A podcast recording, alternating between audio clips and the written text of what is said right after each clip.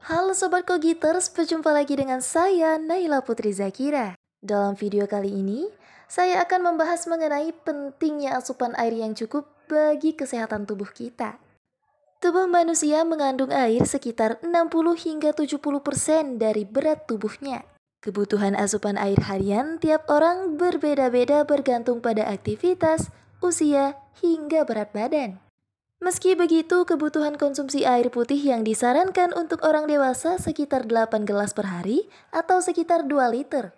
Hal ini membuktikan setiap manusia membutuhkan asupan air yang cukup untuk bisa tetap bertahan hidup. Saat kita kekurangan asupan air atau dehidrasi, beberapa fungsi tubuh akan menurun.